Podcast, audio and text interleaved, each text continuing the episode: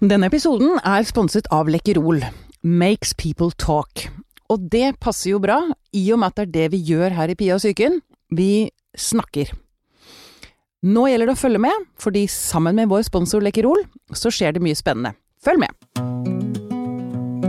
Alle har en syke, og jeg vil gjerne snakke om det. Det er det vi gjør her, sammen med huspsykiater Anne Kristine og en gjest. Dette er Pia om psyken. Vi er jo ikke ferdig med konkurransen. Langt ifra. Det er ennå ikke for sent å vinne en kasse Lekkerol. Et trådløst headset. Og en ønskeepisode Ja, i Pia og psyken. den som vi til slutt velger ut som vinneren, får altså lov til å bestemme tematikken i en av våre episoder. Det er helt riktig. Jepp. Og eh, bare for å dra gjennom eh, faktaen her. ehm, eh, vi har altså en konkurranse gående. I samarbeid med vår nye sponsor Lekkerol, som altså makes people talk. Som jo er en ganske perfekt tagline. I og med oss at den ligner veldig på vår. snakke om det. Nettopp. Ja, ikke sant. Um, eh, konkurransen går ut på at vi veldig gjerne vil høre eller se hva det er som gjør dagen din bedre. Hva er det som klarer å snu din dag fra kanskje ikke være så bra til å bli superbra? Eller fra å være bra til å bli kjempebra. Enda bedre. Hvem vet? ja. Em, og vi har jo snakket litt grann om hva uh, det er som gjør oss glad. Og Jeg bare tenkte jeg, jeg hadde en så utrolig fin opplevelse på butikken her forleden, uh, hvor jeg bare ble Jeg hadde en sånn liten dialog med han unge fyren i kassa. Det var så hyggelig, og jeg, jeg virkelig gikk ut derfra så mye lettere til sinns enn jeg var da jeg kom inn. Det, det er ikke så innmari mye som skal til, alltid, altså. Nei, den lille uventede samtalen, eller det lille smilet. Mm. Jeg satt på trikken på vei hit, og så fikk jeg blikkontakt med kanskje ei jente på fire år som satt i en motgående trikk. Og så satt vi og tulla litt og gjemte oss og smilte til hverandre og vinka, og da kjente jeg at jeg ble ganske mye gladere. Mm, Ikke sant. Eh, ja. Og dette her er jo eh, det, det stemmer, altså dette er jo det sponsoren vår står for. Makes people talk, Makes people talk. og det handler om kontakt mellom mennesker. Eh, Nettopp. Så eh, fortsett å sende inn eh, bilder og videoer, Gjør det. og så tagger du det med hashtag makes people talk at lakerol understrek Norge. Og så må du selvfølgelig tagge oss, at Ja. Pia og psyken, Ja. sånn at vi vet eh, hva dere holder på med. Ja. Og dette er altså på Instagram. Det er det. Ja, og så må vi si, husk også å skrive en liten forklaring på hvorfor eh, dette gjør deg glad. Mm. Så vi får noen ord. Ja, vi liker å lese Vi, vi liker å lese òg, ja. Ehm, hvis du ikke fikk med deg detaljene i dette, så ligger det en forklaring, en slags oppskrift, ute på vår Instagram-konto. Så der kan du gå inn og lese, hvis det er noe du lurer på. Det er helt riktig. Jepp. Sånn, da tror jeg vi går i gang med sendinga, ja, Anne Kristine. Det gjør vi. Da er det slutt på reklamen. Nå er det slutt. Vet du hva jeg skulle ønske, Anne Kristine? Nei, Jeg skulle ønske at mennesker kunne være snille mot hverandre. Det er et godt ønske. Ja, jeg, jeg, jeg har lyst til å flytte til Kardemommeby. ja. Ja. Men, eh, For det, nå skal vi inn i noe som eh, Ja, det verste, altså, det verste som fins, tenker jeg, er når man ikke er snille mot barn. Ja. Og vi har snakket om det før, men vi skal snakke om det igjen. Og eh, gjesten vår er, har jobbet som helsesøster i mange år. Ble kåret til eh, årets Oslo-borger i fjor av Aftenpostens lesere. Velkommen hit, Solveig Ude. Takk. Du eh, fikk denne prisen eh, blant annet, eller for eh, ditt arbeid med å forebygge og avdekke vold mot barn. I ditt yrke som helsesøster. Ja, Ja. det stemmer. Ja. Du jobbet eh, i bydel Alna i mange år. Eh, Hvor mange var det? Jeg har vært helsesøster i 34 år, 30. så jeg har vært i litt ulike bydeler, men det er der jeg har vært den siste tiden, da. Ja, nettopp. Du har eh, opplevd mange barn som har hatt det vondt. Det har jeg. Og jeg har også hatt et fokus på dette å forebygge at det skjer vold og overgrep mot barn. Ved å snakke om det før det skjer. Altså da tenker jeg helt fra nyfødtstadiet. Ja.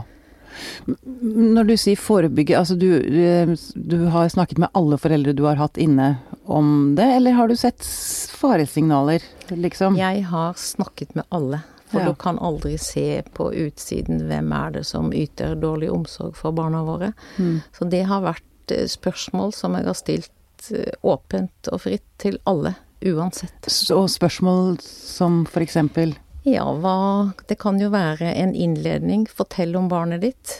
Og det er litt interessant hvordan foreldre kan beskrive barnet sitt. Ah, få høre. Ulike fleste- eksempler. Ja. Noen kan jo komme med de vakreste beskrivelser over sitt lille vidunder, og det er bare fryd og gammen og stor glede. Mm.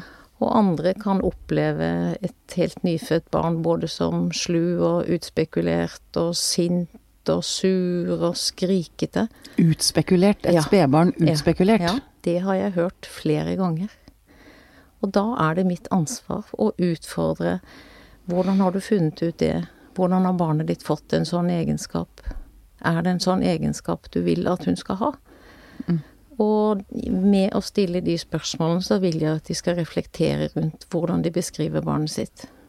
Fordi beskrivelsen egentlig ikke handler om barnet i det hele tatt. Den handler ikke om barnet i det hele tatt. De tillegger barn tanker og følelser som et lite barn ikke kan ha overhodet. Mm. Og jeg er også veldig opptatt av dette å snakke om barnets kommunikasjon, da. Hvordan barn meddeler seg til omverdenen gjennom å være tilfreds eller å gråte. Og gråte er, gråten er jo barnets signal på at de vil noe. Mm. Og den er intens, og den er strevsom å høre på. Mm. Men den er biologisk, for det skal få omgivelsen til å reagere. Mm. Og da er det viktig da at de foreldrene skjønner at gråten er uttrykk for noe, at de må handle, og det betyr at de må ta opp, og de må trøste, og de må være nær. Og det er det ikke alle som gjør. Nei, og jeg må også spørre om de kan bli sinte, om de kan skrike. Og Foreldrene, altså? Ja. Mm. der det kommer dårlige beskrivelser, så stiller jeg de spørsmålene. Hva kjenner du i hjertestemmen din når barnet ditt gråter? Hva får du lyst til å gjøre? Mm. Og der er det også mange faktorer på at noen er redd for at barn kan bli bortskjemt, at de kan få dårlige vaner. Mm. Men å trygge dem på at dette er starten på å bygge en relasjon og trygghet og tillit. Mm. Men har foreldrene stort sett tatt, tatt det til etterretning, det du har sagt, eller? um, Ja, har det må jeg si. Altså, det er jo noen som eh, har eh, ganske bestemte forestillinger om hvordan de vil oppdra barnet sitt, men da er min plikt å gi veiledning og vekke de til å se på barnet som et unikt lite menneske som de må yte respekt, og som de må forstå med sitt følelsesuttrykk, uten å bli sinte og uten å krenke det. Mm. Mm. Du, um, er det en altså, er det noen som har festet seg spesielt? Én ting er altså, Du ble jo uh, veldig kjent i dette A-magasin-oppslaget med lille Jakob, Ja. som du vel reddet livet på, rett og slett, for at du grep inn. ja. Mm. Ehm, sånne historier må gjøre ufattelig sterkt inntrykk på deg. Ja, det har vært flere historier, men dette er vel den sterkeste for et så lite barn. For jeg har eh, Jeg har jo opplevd at barn har vært utsatt for mishandling før, men aldri et så lite barn. Mm. Og for meg, der og da, å romme og tenke Er det mishandling? Er dette påførte blåmerker? Hva er dette? Og det å Altså tørre, tørre å se det i øynene, å- liksom. ja. At, du faktisk konfrontere mammaen med å spørre hva som hadde skjedd, og uttrykke min tydelige bekymring at sånne blåmerker er alvorlig, og at barnet må til sykehus. Mm. Ja. Er inntrykket deres at helsesøstre eller helsepersonell generelt er flinke til å romme akkurat sånne ting? At de er villige til å se på det, eller flykter vi litt? Vi har snakket om det i andre podkaster, at voksne har det med, kan ha det med å snu seg vekk hvis det er for vondt. At man ikke liksom våger å Jeg tror at det er ikke ett svar på det, men jeg tenker at det, vi har problemer med å ta det innover oss og tro at det skjer. Ja. Og være en ansvarlig og gjøre noe med det, og tørre å stå i det ubehaget. Mm. Og jeg tenker også at skulle jeg da ha tatt feil, at dette blåmerket ikke var pga. mishandling, så er jo ingenting bedre enn det. Nei. Men det å risikere å ikke gjøre noe, at et barn blir drept til slutt, det er alvorlig. Mm. Og jeg eh, vil tenke tilbake på denne Kristoffer-saken, som var en vekker både for helsevesenet og rettsvesenet og hele Norge, på at vi har mange stadier før Kristoffer-saken. Og det er de barna vi må finne, de som har det vanskelig. Mm. Og de som er utsatt, særlig da for psykisk vold. Ja, vi, og vi skal snakke mer om psykisk vold. Jeg bare har lyst til å høre, Anne Kristine, hva du tenker om uh, hvor, hvor, hvor flinke vi er til å Jeg tror nok, som Solveig sier, at det er, altså, det er variabelt. Og jeg kom til å tenke på at da vi Det er jo ikke mer enn et par år siden man begynte å snakke om at gravide skulle spørres om de ble utsatt for vold.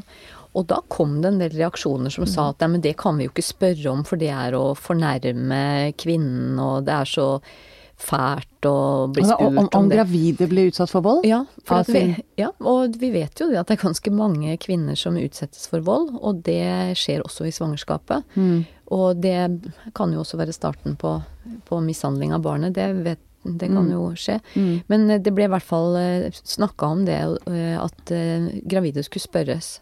At Mm. det skulle være rutinemessig. Og da kom det en god del motstand. Mm. Og det handler jo om ikke om at det er vanskelig å bli spurt om det, men det handler om at det er vanskelig å spørre om det. Hvis du ser et menneske som ser helt eh, vanlig, pent kledd og oppegående ut, det å skulle stille det spørsmålet blir du utsatt for vold? Er det noen som slår deg? Det er, eh, det er liksom litt vanskelig. Ja, det. Men det er vanskelig, egentlig så er det bare vanskelig den første gangen og den andre gangen og den tredje gangen, og så blir det lettere. Ja. Så, så poenget er jo at man må bare begynne å gjøre det.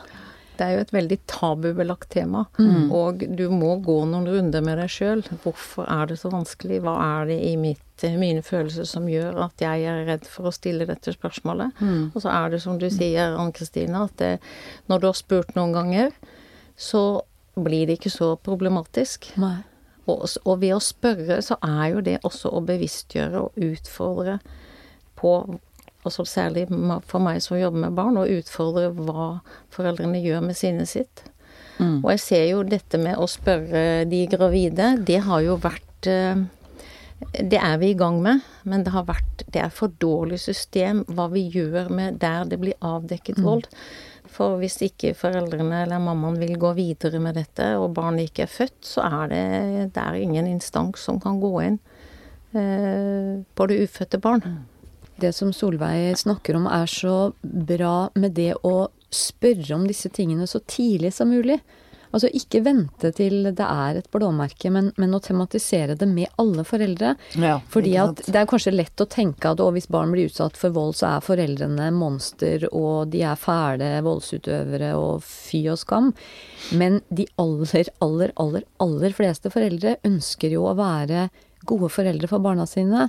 Sånn at eh, når de utøver vold, så kan det være et uttrykk for desperasjon, fortvilelse, utslitthet, maktesløshet. Og det er, jo, det er jo der den svære gevinsten ligger. Fordi at hvis helsesøstre sånn som Solveig kan avdekke den maktesløsheten mens det fremdeles bare er maktesløshet, Ja, nettopp. Så, kan man gå inn og For da behøver det man- aldri å bli vold ut Da av det. kan voksne få hjelp Ja. til det.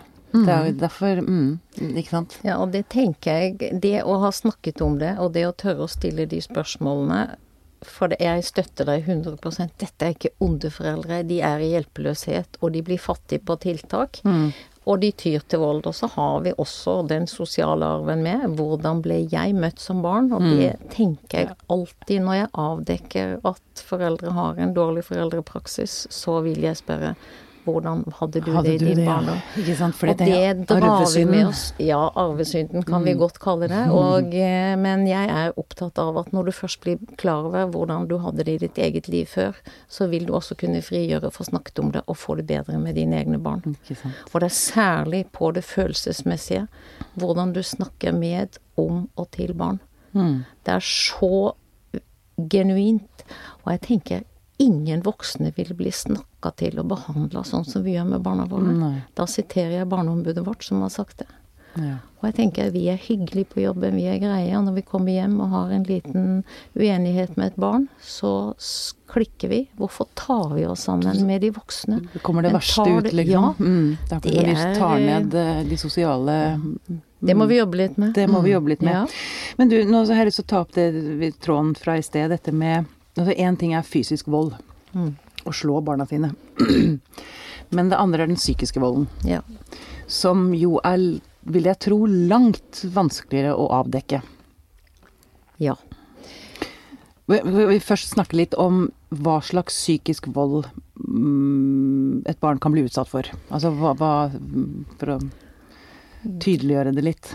Det er jo å ikke bli bekreftet, det er å ikke få respons på sine signaler, det er ikke å bli anerkjent, det er å få kjeft, det er å bli skreket til, det er å bli tillagt tanker og meninger det overhodet ikke kan ha, det er å ikke bli gitt en god og varm omsorg, ikke bli holdt, ikke få kjærlighet, Kanskje ikke bli- vite at noen er glad i deg. Mm. Og kanskje også tenker også sånn spydigheter. Ja, da Eh. kommer vi på litt større barn, altså dette å bli eh, latterliggjort eller- Mm. eller å bli kritisert, aldri være god nok. Mm. Jeg hadde en, en pappa som var på fireårskontroll med datteren sin, og en nydelig far, og alt var på stell. Og vi kom inn på dette med barnets egen vilje, Mm. og han begynte å gråte, og så sa han 'jeg skal støtte mitt lille barn', hun skal aldri få en oppvekst som meg'. Jeg har aldri vært god nok, jeg har fått kritikk hele livet, og denne flotte mannen, han satt på stolen og gråt. Mm. Og jeg tenker, han hadde gjort en indre reise Mm. ved å eh, reflektere over det, og skulle aldri bli sånn mot sitt barn. Mm. Sånne historier har jeg hatt mange av. Så det betyr ikke at hvis du har hatt en dårlig oppvekst, så blir du en dårlig forelder. Det er reparasjon reparasjon og forandring. Ja, fordi det eh, tenker jeg jo på også når vi sitter og snakker om dette. Fordi én ting er selvfølgelig vi skal Altså barn de skal passes på. Men jeg tenker også på de voksne som sitter og som har blitt krenket som barn. Og det kan jo slå ut på mange måter. ikke sant? Det kan jo slå ut i spiseforstyrrelser eller selvskading eller depresjon. Altså det er masse psykiske lidelser som kommer av at man er blitt krenket som barn. Mm. Mm.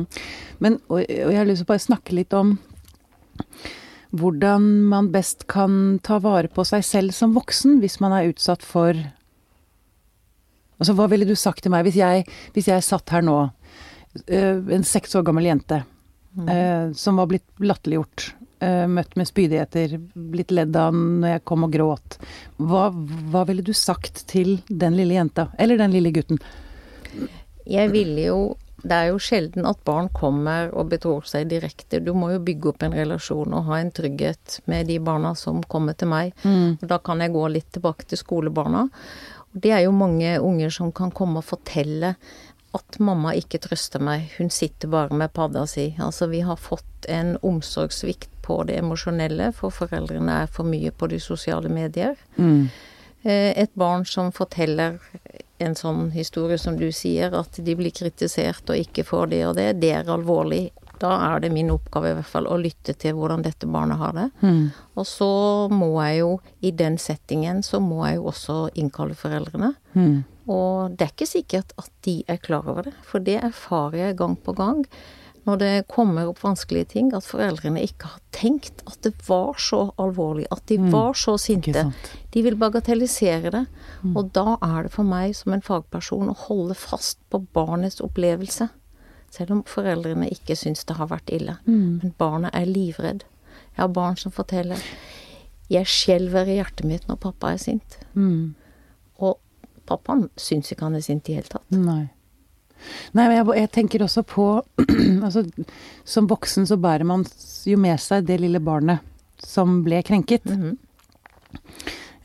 um, og uh, jeg tenker at voksne trenger å Altså må også få lov til å snakke Altså det barnet må få oppmerksomhet, tenker jeg. Altså, også når man er voksen. Skjønner du hva jeg mener? Ja. Du mener at eh, da når vi har en forelder som krenker et barn, så må jeg gå gjennom foreldrene. Hvordan var din oppvekst? Hvordan skulle du ønske at du ble sett? jeg tenker på meg eksempel da nå, ikke sant, som voksen. Hvis jeg var blitt krenket som barn, hvordan skulle jeg snakket til meg selv nå? For jeg vet også, jeg har lært at eh, man, eh, så når man vokser opp, så bruker man jo utrolig mye krefter på å beskytte relasjonen til foreldrene sine. Rett og slett fordi man er helt avhengig av dem. Mm.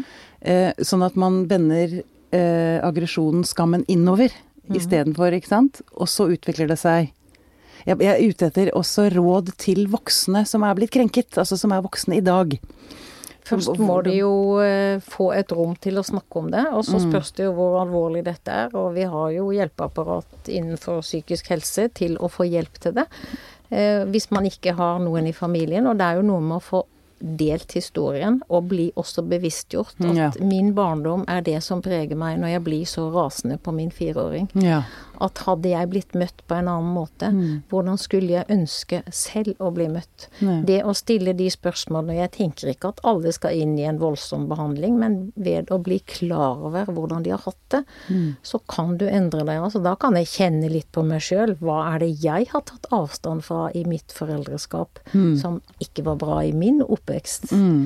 Det kan jeg være veldig ærlig på å si. At eh, mor vi var, Jeg vokste opp på en gård på Vestlandet. Vi var åtte søstre og eh, hadde en driftig, dynamisk mamma. Og, men når hun skulle holde kusthus på oss, så brukte hun mye Hvis ikke vi gjorde som hun ville, så brukte hun boikott. Så dette med avvisning, det er veldig sånn sterkt. Og jeg var i ferd med å videreføre det til de eldste, eldste barna våre, helt til jeg ble klar over det.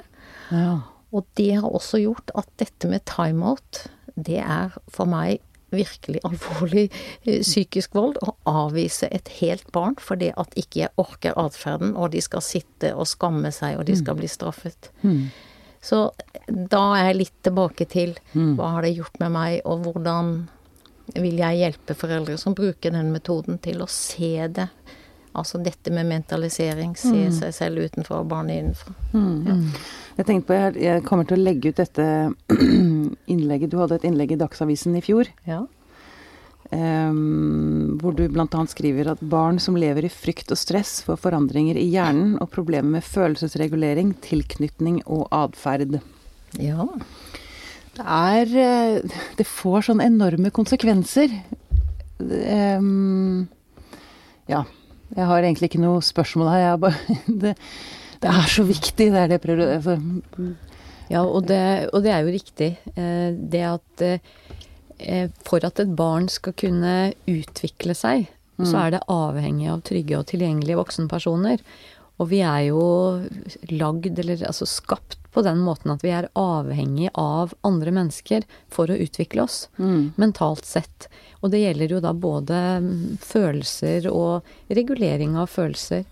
Sånn at eh, et barn som ikke har trygge og tilgjengelige voksne rundt seg, vil jo på mange måter få et slags eh, Kall det handikap, eller få en slags eh, mangel som gjør at livet blir mer strevsomt. mm. Så, så det, er, altså det er skikkelig dårlig gjort. Det er sånn, Har du det vanskelig når du er liten, så får du også et vanskeligere liv seinere, fordi at det blir en del ting som blir mer strevsomt. Mm. Og da har jeg lyst til å si, for jeg tenker på alle de barna som er urolige og som strever i barnehagen og på skolen, de blir på en måte stempla. Ingen barn er vanskelig, men det har det vanskelig. Og jeg ønske Og det er viktig, jeg kan bare si det én gang til. Ja. Ingen barn er vanskelig. Men de har, det, vanskelig, og de uttrykker det veldig mange med en sterkt eh, atferdsuttrykk. Andre kan bli tilbaketrukket. Men det for kompetent personale både i barnehagen og skolen å ikke kjefte mer på det barnet, ta det ut av barnegruppen, la det sitte på gangen, få straff. De trenger å bli bekrefta på følelsen sin. De trenger å føle at jeg er ok, selv om jeg uttrykker meg, og finne ut hva ligger bak det. Det er så alvorlig på veldig mye krenkelse i offentlige institusjoner. Jeg hører når jeg henter barn i barnehagen, barnebarna mine, og jeg har også jobbet på skoler. Og jeg syns det er hardt å høre pedagoger som beskriver barn på en veldig negativ måte, og ikke klarer å tenke 'stakkars det barnet, hva ligger bak hennes atferd'? Og det er jeg, da sier jeg fra, og de må gå og gjøre noe med det konkret. Det er veldig bra. Ja. Det er, Ja. Men jeg kan ikke komme med pekefingeren, jeg må snakke med dem så de skjønner at jeg er nødt til å gjøre noe for å komme i posisjon til det barnet. Det nytter ikke lenger med kjeft og straff. Hmm. jeg, jeg, jeg håper det finnes veldig mange som deg der ute. Ja, vi har ikke talt opp. Men jeg tenker Og derfor så er det sånn når det er snakk om vold i nære relasjoner, så har det blitt en klisjé for meg. Fordi at da tror jeg folk tenker på blod og blåmerker. Mm. Men jeg tenker alt det som skjer før den fysiske volden. Altså den avvisningen, den krenkelsen. Hvordan barn blir snakket til. Hvordan de er til bry. Ved første henvendelse så får du høre 'ikke mas'. Altså, barn er fantastiske. De er nysgjerrige. Og for foreldrene å se på barns genuine nysgjerrighet, det er jo drivkraften til all læring. Istedenfor å bli forbanna for barnets protest, så burde de juble inni seg, for de har en unge med guts. ja. Ja, det er, det er nydelig. ja. Ja, det er et fantastisk eh, syn som eh, Ja. Det er jo egentlig helt, selvfølgelig helt åpenbart, men det er akkurat som det blir litt borte. Jeg, tenker, jeg sitter og tenker på Margaret Olin, som vi hadde her, som har laget denne filmen 'Barndom', hvor hun også er en veldig forkjemper for å gi barnet plass til å være det barnet er, ikke prøve å tvinge det inn i sånne regler og normer som vi liksom mener er riktige. Det er jo egentlig helt sykt. Vi har jo ansvar for også å hjelpe barn til å få såkalt folkeskikk, men det kan du gjøre uten å skrike og uten å krenke. Og jeg leste en artikkel av en som heter Bård Lyster, en psykolog, som har skrevet at kjeft er vold mot barnas sjel. Og jeg tenker det å få kjeft mye, da går du i stykker. Og nå har vi også muligheten til å Vi har jo kunnet skanne hjernen og se på forandringer på barn som lever i frykt og stress. Og det er også et moment å bruke når jeg snakker med foreldrene, at det vil jo også gå utover barnets evne til å lære. Og du har et ansvar. Det er ditt ansvar å gjøre noe med sinnet ditt. Jeg har hatt barn som sier når pappa er sint, så er det akkurat som han slår meg. Jeg kjenner det på armen min. Og da tenker jeg det er sånn piskeslag i sjela.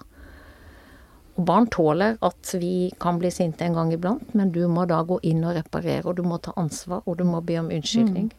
Jeg tenker en, en viktig ting eh, At en voksen blir sint på et barn, det er jo helt selvfølgelig Det, det skjer jo innimellom. Skjer.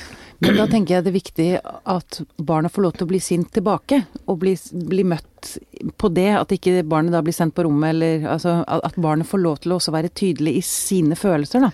Det er jo hele essensen. ja. Altså, det er jo å godta det følelsesuttrykket som barnet har. Mm. Og de er jo veldig ekte.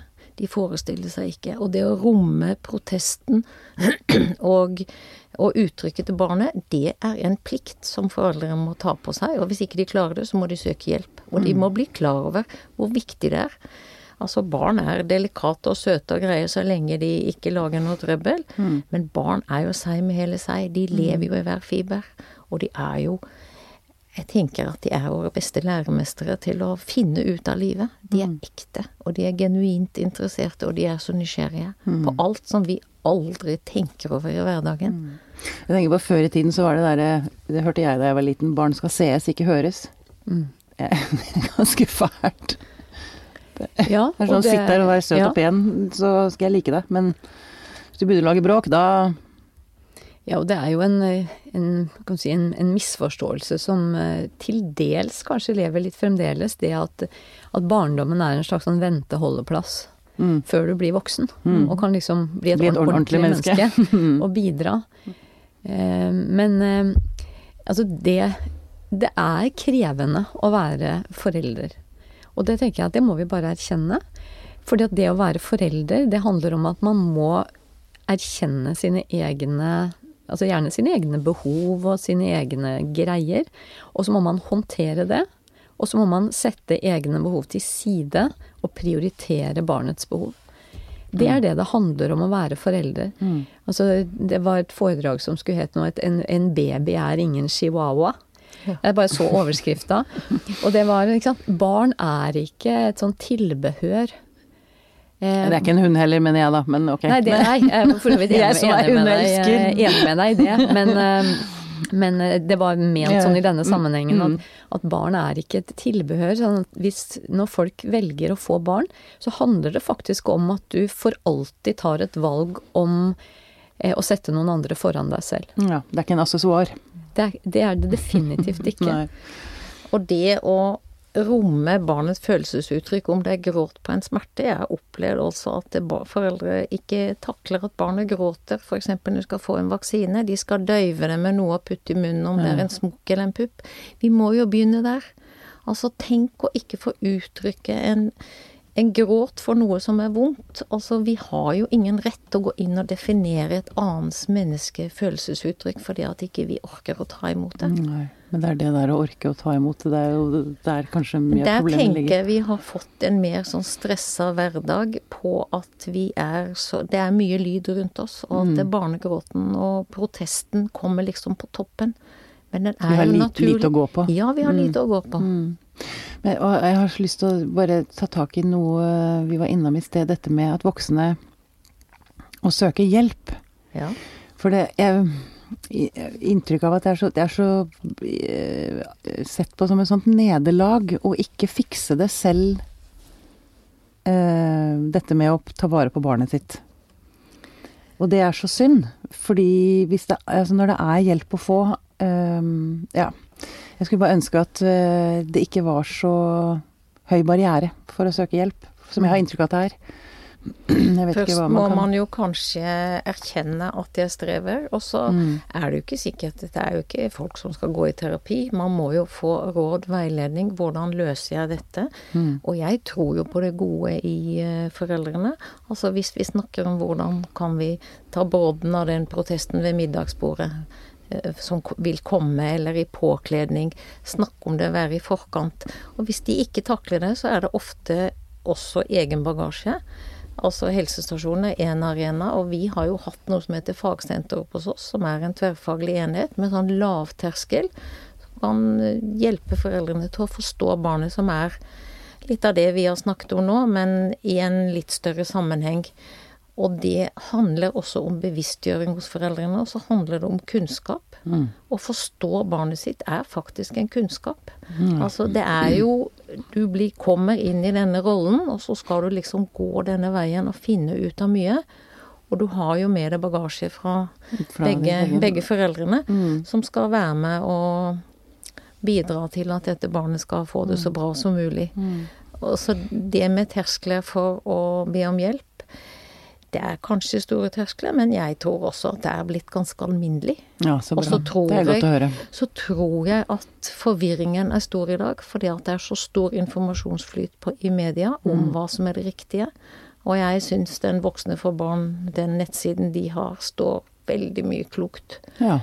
eh, Som man kan gå inn og lese, og det fins utallige steder. Men prøv å finne noe som er seriøst.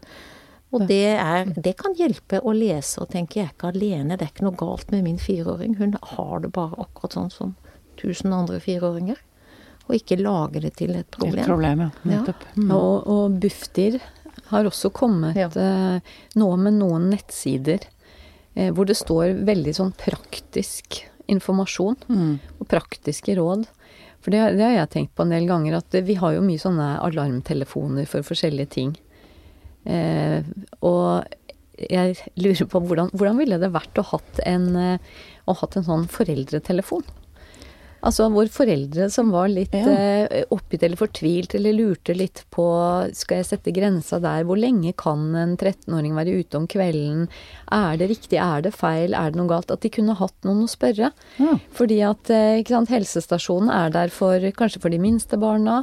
Og så er det jo, tror jeg at veldig mange har nok ganske høy terskel for å ringe til barnevernet og be om råd og veiledning. Ja, det da det kunne de sikkert godt ha gjort og fått Mm. gode svar.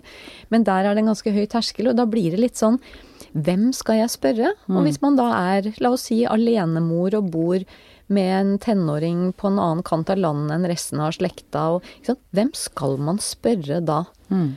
Og da skulle jeg ønske det fantes en erfaren ja, det, det, det, kan du starte, Solveig. Ja, for du er pensjonist nå, du, er, du, er ikke, du, jobber ikke som helsesøster nå lenger? Det. Du holder foredrag og sånn? Ja, det gjør jeg. Men akkurat det du sier, Anne Kristine, for jeg snakka med Barneombudet, de skal ha et høynivåmøte på nå førstkommende mandag om hvordan vi skal bli bedre til å avdekke vold og omsorgssvikt hos barn. Um, og jeg tenker også den hjelpeløsheten når jeg har en baby som gråter, og klokka er tolv på natta. Hvem mm. kan jeg ringe til? Mm. Jeg sier til mine foreldre at de kan faktisk ringe 113. Og det føler jeg ikke er misbruk av det tallet, okay. Eh, eller den telefonen. For mm. at jeg tenker, hvis du holder på å myrde barnet ditt og eksplodere, mm. så tenker jeg det å snakke med noen som kan roe deg ned og at du selv blir møtt på Ja, og hun eh, som jeg snakket med hos Barneombudet, hun sa også de kunne jo ringe denne barnas kontakttelefon, og så nevnte hun barnevernsvakten, men det sitter jo langt inne, for barnevernet det, det skaper mm. litt frykt i befolkningen. Det burde ja. ikke gjøre det, men det gjør det. Mm. Eh, så det å ha en alarmtelefon døgnet rundt jeg tenker det er mange som hadde trengt det. Jeg tror det hadde vært en god investering. Men jeg vil faktisk, siden du nevner det, så vil jeg faktisk reklamere for eh, barn og unges alarmtelefon, som mm. er 116 111. Mm. For der sitter det folk som jobber i barnevernet, men det er ikke en sånn barneverntelefon.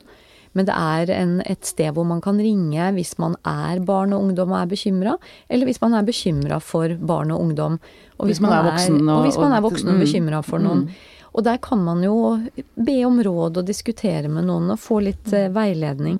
Så jeg er helt enig med Solveig, det er bedre å ringe noen. Men jeg skulle ønske det fantes som sagt en sånn foreldrelinje. Foreldrelinje. Mm. Ja, for jeg tror at hvis du får snakket med noen, så vil du også roe deg. For at du er jo i sjokk eller du er i krise når du ikke klarer å roe dette barnet ditt som gråter. Da må du, da sier jeg, da må du legge barnet ditt i sengen, og så må du gå på et annet rom. Hvem kan du ringe til? Mm og det å ta deg ned. Hvis du er alene, da. Mm. For det, det, er da Da tenker jeg den gråten som de ikke klarer å stoppe, mm. det er den som fører til alvorlig vold hos de minste barna våre. Ja, nettopp. Um, til sist, Solveig. Er det noe du har lyst til å si til barn, unge eller voksne der ute, om det vi har eh, vært innom her? Jeg tenker at eh, vi skal yte barna våre respekt, og vi skal være gode lyttere. Og vi skal tåle følelsesuttrykket mm. Eh, som barna våre har. Mm. Og vi som er voksne, vi må tåle å stå i det. Eventuelt så må vi søke hjelp. Og så må du snu på det istedenfor å se at dette er et barn som er ute etter å lage trøbbel. Dette er et barn som er nysgjerrig, og det er drivkraften i hele livet. Mm. Veldig vakkert. Solveig Ude, tusen takk for at du kom til oss. Bare hyggelig.